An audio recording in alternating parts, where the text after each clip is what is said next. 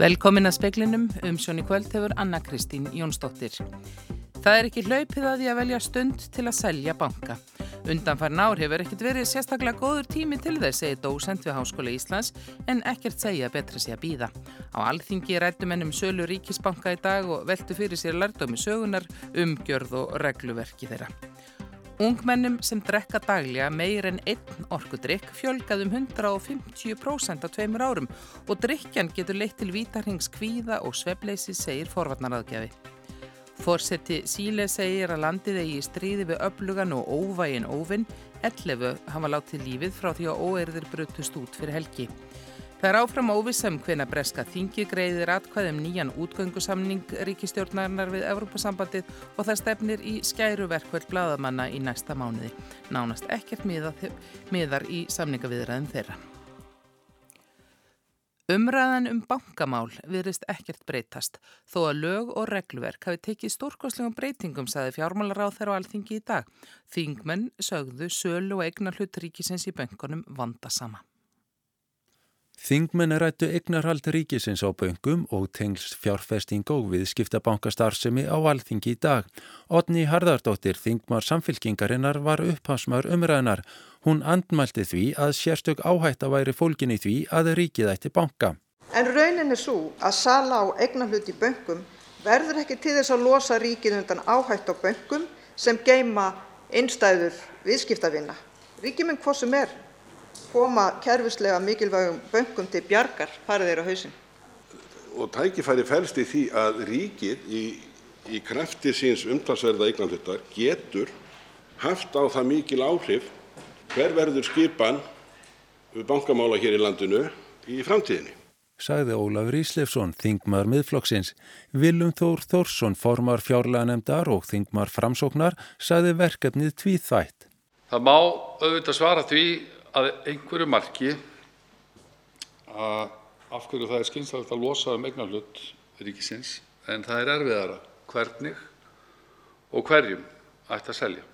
Við þurfum að tryggja hagsmuni neytenda og íslenskra fyrirtækja og það verður ekki gert með eignarhaldi ríkisins og böngum.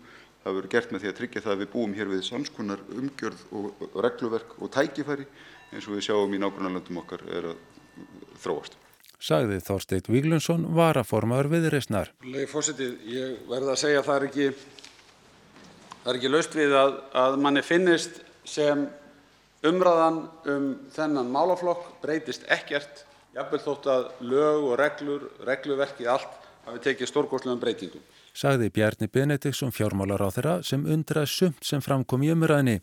Hann sagði þó enn óljós hvernig væri best að dragur egnar hlut og hvenar væri skinsanlegt að stíga skrefið. Brynjóður Þór Guðmundsson tók saman og meira um bankasölu síðar í speklinum. Ungmenni falla fyrir markaðsetningu orkudrykja, segir forverna fulltrúi sem telur að foreldrar gerir sér ekki grein fyrir því hver mikil neyslan er. Undanfarn ár hefur orkudrykjuneysla ungmenna stóraukist. Árið 2016 sögust 22% framhaldsskólanema að drekka orkudrykki daglega. Í fyrra var hlutfalli hins vegar komið upp í 55%. Vilborg Hjörni Ívarstóttir, forvarna og félagsmálar áðgjafa Akureyri, segir þetta talsvert áhugjefni og áhrifin séu greinileg. Ungmenni sofi ekki nægilega mikill og tilverði vítarhingur orkudrykja, svepleysis, þunglindis og streitu.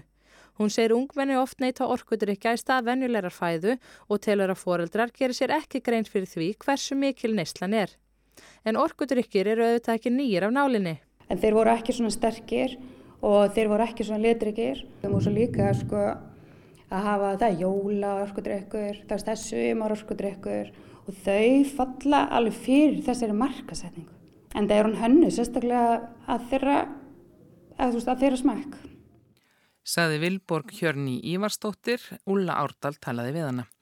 John Burkow, fórseti neðri málstofu Breska Þingsins, kom í dag í vekk fyrir að Brexit-samningurinn sem samið varum í síðustu viku verið borin upp til atkvæða. Hann saði ástæðan að þá að þingmenni hefðu fengið samningin til umfjöldunar og lögadag. Engin breyting hefði orðið síðan og samkvæmt þingsköpum gengi ekki að taka málið upp að nýju. Boris Johnson, fórsættisráð þeirra, fór fram á að atkvæði yrðu greitt um samningin í dag. Stjórnvöld telja meiri hluti þingmanna ætli að samþykjan en við fjöllum áfram um Brexit síðar í þættinum. Sebastián Piñera, fórseti Síle, segir að stríðs ástand rík í landinu eftir óerður sem hófust á föstu dag. Ellefu hafa látið lífið og annað þúsund verið handteknir. Útgöngubann hefur verið í höfuborginni Santiago síðustu tvær nætur. Estamos en guerra contra un enemigo poderoso, implacable Við eigum í stríði við öflugan og miskunnarlausan óvinn sem virðir ekkert og engan og er tilbúin að beita væðarlausu og takmarkalausu ofbeldi, saði Sebastián Piñera eftir neyðarfund sent í gerkvöld með yfirmanni síleska hersins. Neyðarástandi hafði þá verið líst yfir í höfuborginni Santiago og 16 héruðum. Útgöngubann var í Santiago og víðar síðustu tvær nætur. 9500 hermenn og lauruglumenn reyna að hafa stjórn á ástandinu. Alls hafa 11 látið lífið frá því að óerðir brutist út í síli á föstudag. Þar á meðal eru fimm manns sem dói þegar kveikt var í fata verksmiðu skamt frá höfuðborginni í gær. Mótmæli og óerðir hófust þegar tilkynnt var um hækkun á fargjöldum í almenningsfarartæki borgarinnar. Hækkunin var síðar dregin tilbaka en það dugði ekki til. Almenningur viða um land hefur haldið andofi áfram gegn lágum launum, dýrtíð, misskiptingu og spillingu. Óvaldar flokkar hafa notfært sér ástandið og ráðist á jarðlæstarstöðvar, kveikt í strætisvagnum, brotið umferðarljós, stólið vörum úr verslunum og kveikt í nokkrum þeirra. Ásker Tómasson saði frá. Hjálmar Jónsson, formaður Blaðamannafélags Íslands, segir ekkert efnislegt hafa komið fram á samningafundi hjá Ríkisáttasemjara í dag. Félaginu hafi verið bóðið minnin ekki neitt. Bóðaður hefur nýr fundur eftir um að viku, breytist staðan ekki, greiða félagsmenn atkvæðum verkvallsaðgerðir í næstu viku og stemt er á skæruverkvall í nógumur.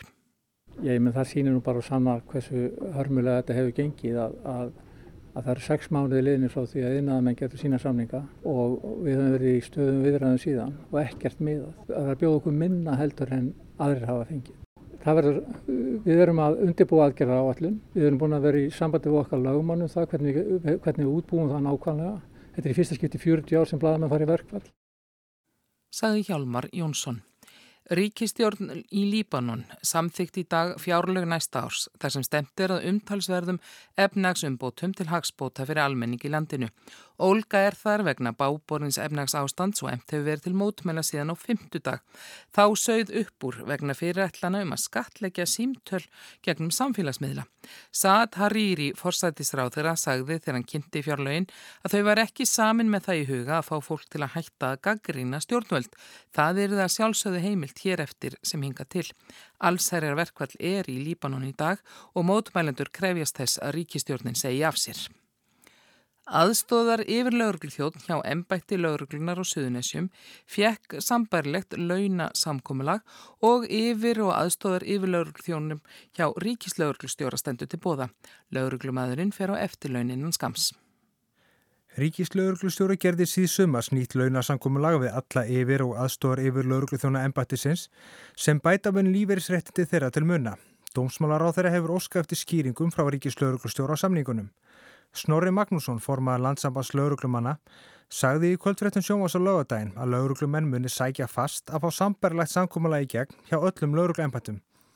Sigurður Björg Guðjónsdóttir, lauruglustjóra á höfuborgarsæðinu, hefur sagt að ekki standi til að semja við lauruglumenn hjá embættun á þennan veg. Það hefur eins og verið gert hjá embætti lauruglustjóras á Suðunessjum. Þetta staðfestur Ólafur Helgi Kjartansson, lauruglustjóri, í samtali við fréttastofu. Hann segir um eitt samning að ræða en vil korki upplýsa við hvern var samið nýja hvort fleiri slíkir samningar sé í burðarlinum. Sankvæmt heimildu fréttastofu er um að ræða aðstór yfir laurugluþjónu embættinu sem fer á eftirlaun innan skams. Magnús Geir Eyjálsson saði frá. Heimsins elsta perla hefur fundist á eigi úti fyrir Abu Dhabi, höfuborg saminuðu arabísku fyrstadæmana og hún er talin vera 8000 ára gömul. Þegar perlan fannst voru fordleifafræðingar að rannsaka Mará-eigi, þar sem elstu mannvirki fyrstadæmana hafa fundist. Sérfræðingar segja fundir til í marksum að per perlur hafi verið notað sem gjaldmiðl í verslun og svæðinu síðan á nýsteinöld sem laukum 3300 til 3000 fyrir Krist. Í skiptum fyrir perlur fengust á leirkir og annar munnaður og perlan gamla sem fannst nýlega er ekki stór aðeins um 3 mm í þvermál.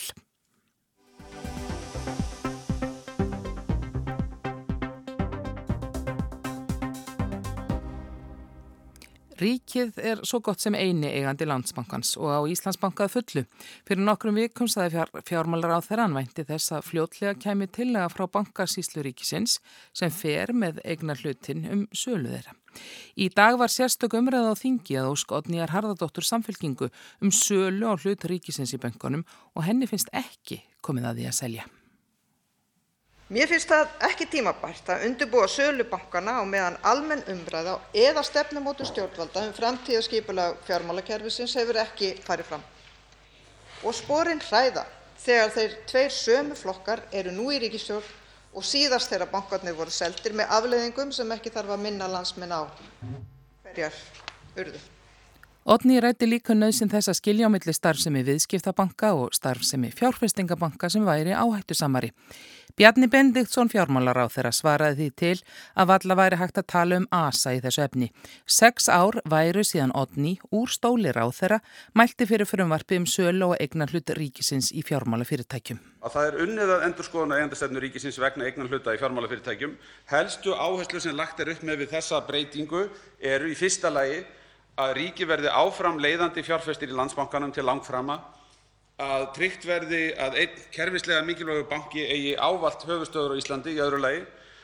Í þriðja lagi að stuðla verði að stöðuleika í fjármálakerfinu og nauðsynlegir innviðir þess séu tryggðir, þar með talin greiðsluþjónustan. Og í fjórða lagi að það verði horft til þess að allir landsmenn eigi kost á almennri, vandaðri og traustri fjármálaþjónustu. Bjarni sagðist líta svo að mikil tækifæri lægi því að breyta eignarhaldi bankana, samtali um aðferðafræði og útfærslu við bankasísluna væri ekki lokið. Gilvi Magnússon, dósent við Háskóli Íslands, segir að það hefur leiðið loftinu árum saman að það sé ekki framtíða sín margra að ríkið eigi áfram tvo stóra viðskiptabanka en hvernig á að velja stundina til að selja. Það er auðvitað ekki hlaupið að því það eh, má kannski segja að það hafi ekki verið neitt sérstaklega góður tími til þess að selja banka undanfærin ár og, og sé kannski ekki sérstaklega góður tími núna heldur en það er svo sem ekkert í kortunum frekar að, að, að það verði betra að selja banka á næstu missurum þannig að kannski þetta allavega ekki verri tími heldur en hver annar. Þetta eru bundnir tölvöld miklu fjármannir en þeir hafa líka skila ríkinu miklu marði. Já, það er alveg rétt þetta hefur ekkert leið undir skemmtum ef svo morðið komast. Bankarnir hafa gengið eh, mestu vel og, og skilað verulegum hagnaði sem hefur skilað sér í argreislum til ríkisins og þetta skattgreislum líka. Þannig að eh, í þeim skilingi likur ekkert á. Eh, þetta er fyrir sem að skila rákjötum arði og mun fyrir sjánlega gera það áfram þótt að margir spáðu því nú að hann fari eitthvað mingandi. Það horfir ekkert endilega neitt sérstaklega góð vel fyrir bankarekstri núna næstunni. Það er mikla breytingar að verða á þessu markaði. Já, það, það er alveg rétt og ég held nú að verða núna endur speiklið það. Við sjáum til dæmis að Arjónbankin sem er nú eini bankin sem er á markaði að eh, markaðsverð hans er svona byrjum tveir þriðjú af eigin fjö sem að eh, auðvitað segir okkur að eh, þeir sem er að kaupa og selja brefi þeim banka þeir eh, er ekkert sérstaklega bjart sínir á framtíð þess banka og ég held að það megi nú kannski heimfara það einhver leiti á líklegt verð á uh, hlutabröfum í Íslandsbanka eða Landsbanka og, og þetta er endur ekki sér íslenskt viða í Európa veru bankar á svona hálgjörð útsöluverði. En er þá ráðleira bara að eh, lúra þeim lengur? Já, það er svo sem heldur ekkit sem bendir til þess að verðið fari hækkandi þannig að e, með geta svo sem ekki bara lúrað á þeim í þeirri trú að verðið muni hækka því að það likur ekki fyrir. E, síðan eru auðvitað að gerast alls konar breytingar, ekki bara hér heldur alþjóðlega á umhverfi banka til dæmis nýjungar í greiðslumiðlun sem hefur alltaf verið stór tekjulind fyrir banka.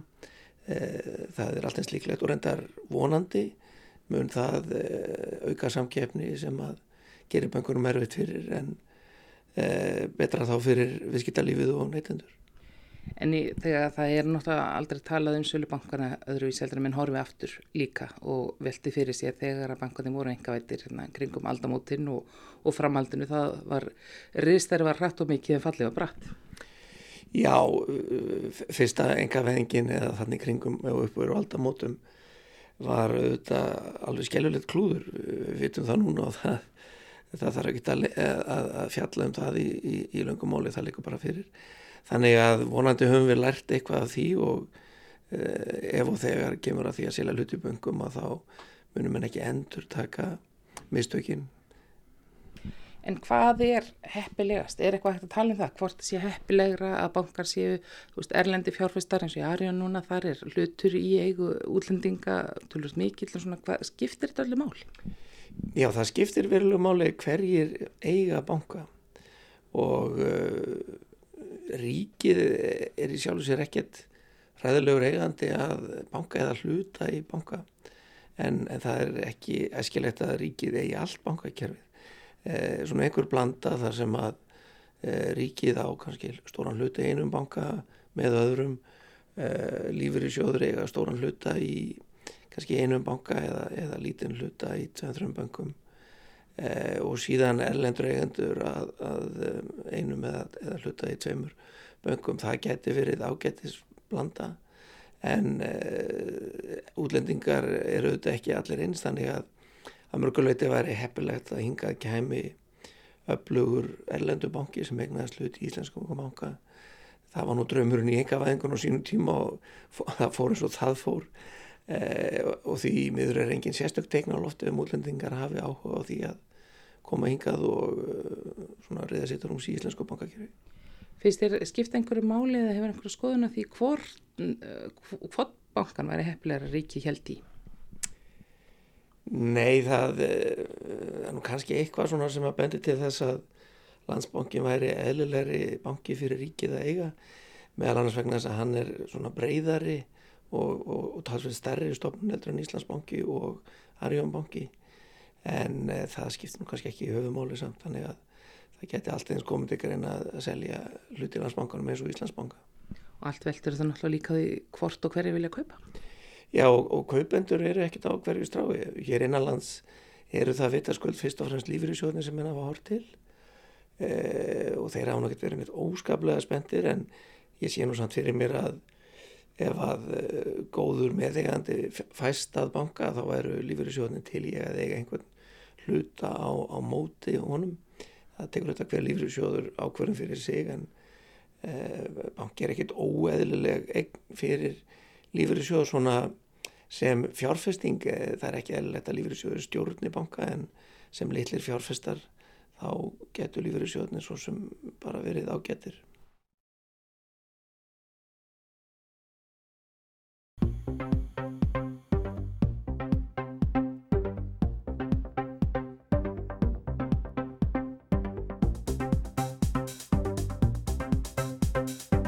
Laugardagurinn var enn einn dagurinn þegar stemdi í að brexit línurnar skýrðust þar sem breska þingið átt að greiða atkvæðum útgöngu samning bresku stjórnarnar við Evrópusambandið.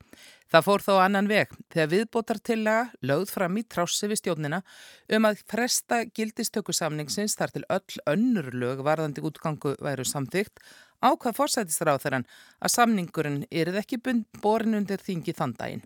Þá verði stjórnin stefna á atkvæðagreyslu í dag. Eh, Sigurinn Davísdóttir, þú hefur fylst með framvendun í dag. Það varði engin atkvæðagreysla um útgangu samningin eða hvað? Nei, ekki í dag. Uh, John Berkov, þingfórseti, sagði það ekki í samræmi við þingsköp að greiða atkvæðum samningin í dag því ekkert hefði breyst síðan á lögadaginn og ekki heimilt að taka sama efnu upp aftur. Þingið hefði líka þegar samþygt að útgöngusamningurinn ætti að verða samferða lagabolki sem fylgir útgöngunni og þess vegna ætti að afgreða fylgilaun fyrst. En hverna kemst á þingið til þess að afgreða atkvæði um útgöngusamningin? Stjórnin ætlaði að leggja fram þennan meðfylgjandi lagabolk í dag, það hefur nú dreyist eitthvað en uh, það á svo að ræða uh, hann næstu daga.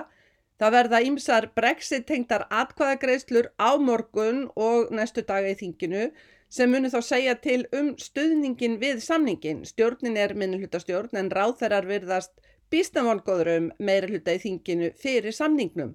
Það er hins vegar örgur í mörgum þingmannum að því stjórnin ætla að láta þingheim greiða atkvæðum lög og samning sem engin tími hafi verið til að stútera og stjórnin hefur ekki lagt neitt mat á efnahagsleg áhrif útgöngusamningsins. Nú svar stjórnarinnar er að það sé búið að ræða brexit í meirinn þrjú ár sem er auðvitað rétt en útfærslan skiptir nú fjarska miklu máli eins og margir þingmenn higgja og þingmenn virða stefna á líka að breyta samningnum, bæta kannski tollasambandi eða þjóðratkvæðagreyslu og það er stjórninni alveg einstaklega mótiskapi. Hvað hangir á spýtunni og hvernig hangir þetta eiginlega allt saman? Það er viðbótar samþygt á lögadaginn og, og þá að sjálfur samningurinn og meðfylgjandi lög verða fylgja stað. Það sem hangir á spýtunni er að jafnvel í flokki fórsætsáþara þá treysta menn ekki fórsætsáþara um að stefna á útgöngu með samningi þó hann hafi þegar samið eh, um útgöngu. Það var mjög aðtiklisvert að þessi samtvinnun samningsins og meðfylgjandi lagabálka eh, kom frá íhjálpsþingmanni Oliver Lettvin. Það lágu þegar fyrir lögum að ef samþyktur útgöngusamningur lægi ekki fyrir 19. oktober þá yrði fórsætsráðara byrja ESB um frest. Nú eh, þegar það rann svo fyrir þingmannum að ef samningurinn hefði nú verið samþyktur á lögadaginn þá gæti fórsætsráðara samt farið út án samnings 31. oktober af því meðfylgjandi lög hefði ekki verið samþygt og þess vegna þetta spilna saman samningin og fylgilögin. Svo flækjurna snúast eiginlega um vantraust á Boris Jónsson fórsættisar á þeirra. Já, þeir sem eru mótfallnir samningslösu Brexit eða ósáttir við Brexit hafa þessa nagandi tilfinningu að þrátt fyrir yfirlýsingar um samning og þrátt fyrir að hafa samið þá stefni fórsættisar þeirra í laumi á samningslösa útgöngu Nú samningur Teresu mei, hann þrýfjall að því henni tóst ekki að sannfara þingið um að það væri um ekkert annað að velja en hennar samning eða engan samning. Þingmenn komu auga á frestun. Johnson ætlaði ljóslega ekki að falla í sömu grefju en hann er kannski líka að missa tökinn þegar þingmenn sjá fram á mögulegar breytingatillur, frestun, kannski kostningar og já, hugsanlega aðra þjóratkvæðgreislu. En það er líka rétt hugsanlegt að ef þingmenn verða með uppsteitt munir stjórnin hætta við að láta greið atkvæð um samningin og reyna bara efna til kostninga. Þannig að það eru mjög margar óvissu breytur í þessu dæmi eins og fyrir dæmi. En þú nefndir hérna Brexit samning mei. Er munur á hennar samningi og, og Brexit samningi Johnsons? Já, það var kannski ekki miklu breytt í lungun teksta en breytingarnar eru enga síður veigamiklar. Fyrir utan afgerandi breytingar varðandi Norður Írland þá gerir nýjir samningur en ráð fyrir fjarlægara og lausara sambandi við Evrópusambandið en meðvildi. Það er auðvitað vega mikill munur. Það skapa líka taugatitring að þingmenn sjá í hendi sér að útgöngusamningur nú hindri ekki endilega samningslösa útgöngu síðar í ferlinu þegar sami verður um framtíðarsamkómalag. En er ESB ekkert að gefast upp á því að gefa breytum frest og útgöngu frest? Leðtóðar ESB stinja vissulega en ESB eh, e allar ljóslega ekki að verða fyrir til að skelli lás. Leðtórnir munu kannski ekki flýta sér en það er nokkuð ljóst að þeir munu samþykja frest. Bara spurning hversu langan þeir telja að breytar þurfi. Og eru breytar þá kannski bara ekkert á leiðinni út úr eða sambandinu 31. oktober? Nei, ég ætli það. Um, það eru reyndar margar vikur síðan að var bent á að það væri mjög seinlega handavinna í kringum útgöngu og nú ef samningur likur fyrir í loka oktober þá þarf kannski aðeins útgöngu frest og einhvern veginn tæknilegan frest í nokkra vikur. Ef þingið fellir samningin þá mun Evropasambandið líklega vilja gera sam og síðast, veita langan frest, kannski fram á voruð að sumar. Auðvitað þyrtu breytar ekkert að taka sér svona langan tíma en þrýstingurinn sem tímamörk skapar, hann er þá sögunni í bráð og það hjálpar ekki ríkistjórninni. Þakka yfir þetta Sigrun Davísdóttir.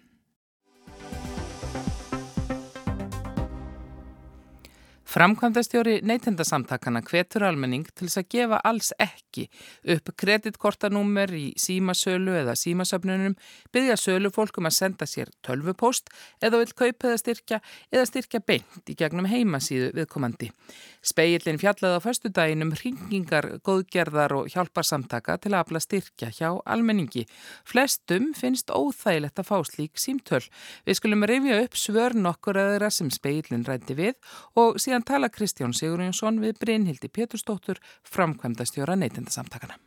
Mér finnst það mjög óþægilegt og ég, svona, ég verð bara svona kvíðinn, ég finn fyrir meðvirkni og ég þarf alveg svona að mana mig alla upp í að segja nei og svo einhvern veginn verið í gang svona ferðlar sem ég er bara svona, þú veist, einhvern veginn að, að vega salt á milli þess að finna fyrir, fyrir reyða ég hefur beðin um þetta og skömm yfir að hafa þurft að neyta þessu sko. Ég býð upp á að það sé hægt að hafa sambandum mig en hins vegar hef ég haft á reglu að ég setja með ákveðin takmörk, gefa ekki meira en eitthvað ákveð ári og hef þá ríka ástæðu til að geta sagt nei með svona þokkulega góður samvisku þó svo þessi mjög erfitt. Er þetta rétt leið til þess að afla styrki, að ringi út? Þetta er mjög gamaldags aðferð en hins vegar er svona sala, einnum út einum sala mjög áhrifrik þegar kemur að svona góðgera starfsemi þar sem við verðum að styrkja málefni sem á að höfða til tilfinninga. Ég finna að þólumæði mín og kannski umburðarlendi gagvart svona símtölum hefur mingað einfallega vegna þess að símtölum hefur fjölgað. Og ég finn svona, ég verð svona svolítið vælukjó, ég byrja að segja, finna mér alls konar til, til afsökunar, ég sé nú að styrkja hitt og ég sé að styrkja þetta og reyna að beina þessu frá mér. Þetta er á kvöldmatatíma, þetta er á tímum þegar þú mátt eiginlega ekki vera að því að hlusta á þetta og maður jafnvel segir bara já bara til þess að fá að halda áfram með það sem maður var að gera.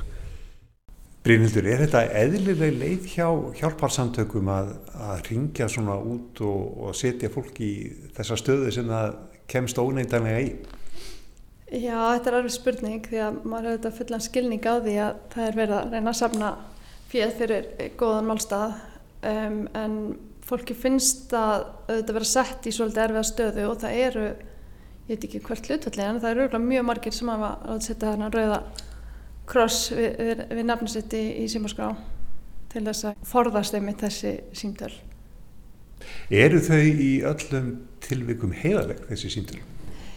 Eflust í langflestum tilfellum, það eru alltaf að heyra af einhverjum svikum og einhverju sem að átt að segja á því að þetta, þarna getur verið góð leið til þess að gapa saklust fólk. Þannig að við myndum nú alltaf sérst, mæla gegn því til dæmis að fólk sé að gefa upp kreditkortanúmeri sitt gegnum síma. Hvort sem að er varandi hjálparsamtöku eða slíkt eða bara þegar maður fær símtal og tilbúð í einhvers konar betri áskrift í símaþjónustu eða slíkt að þá myndi ég alltaf vilja senda tölvupost og fá það hreint um hvað ræðir.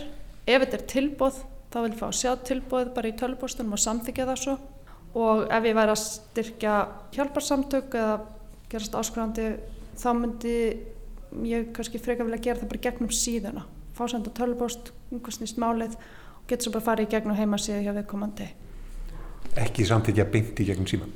Ég sko ekki fara að gefa upp neinar upplýsingar allavega það er ekkert mála að fá sendan greiðslusegil, maður getur alltaf valið það að greiða hann ekki, maður gerur kenniturinn sína en aldrei kortanúmeri gegnum síma bara aldrei. Ef fólk gefur upp kreditkortanúmeri sitt segir minna gæslega bara óvart er það þá búið að bara missa tökið? Nei, það getur og á að sjálfsögðu að mótmæla kröfunni bara þar til gerðu eðublaði, bara á sambandi viðskiptabanka sinn og þar getur að mótmælt einhverju færslum sem að það kannast ekki við og það er alveg mörg dæmi um það að það er tekið til greina og þess vegna er mjög, mjög mikilvægt að skoða kreditkorta yfirlitið ekki aukvitað þrjum mánuðum setna. Þetta eru reikningar oft inn á heimabankanum og rafræni reikningar og fólk er ekki að fá þetta sendt þannig að það getur liðið smá tími en, en um að gera að skoða kreditkortafærslur og hafa strax samband sinn viðskiptabanka eða það er eitthvað gruggut í gangi. En svo við snúum okkur að góðgerðarsamtökum. Er þetta rétt leið hjá góðgerðarsamtökum að ringja svona maður á mann? Ég býst við að ef að verið að þessu að þá skilir það einhverju og það getur alveg verið fólk að núti sem að finnst þetta bara ekki óþægilegt. Ef þetta er eitthvað sem að maður vil helst ekki þurfa að standa frá kvöldmötnum og fara að svara einhver og vera með saminskupti yfir að vilja ekki styðja eitthvað gott málumni allt þetta er svo ótrúlega mikið af góðum málumnum það vantar ekki að þá myndi ég bara mæla með að setja hennan rauða kross í símaskranna og svo getur maður er mjög eðlilegt að maður styrkja góð málefni þá getur maður bara gert það með því að hafa samband sjálfur. Sagði Brynhildur Pétursdóttir Veðurhorfur eru þær að það verður stíf norðanátt með ofankomu og norðurhelmingi landsins en lengst af þurft og bjart síður og veður fer kólnandi. Með hríðarveðri má búast við versnandi aksturskilurðum á norðanverðu landinu, sérlega á heiðum og þá er búist við kvassviðrið að stormi frá örafum til austfjörða fram eftir kvöldi. Fleiri er ekki í speklinum í kvöld, tæknum aður í útsendingu var Ragnar Gunnarsson, veriði sæl.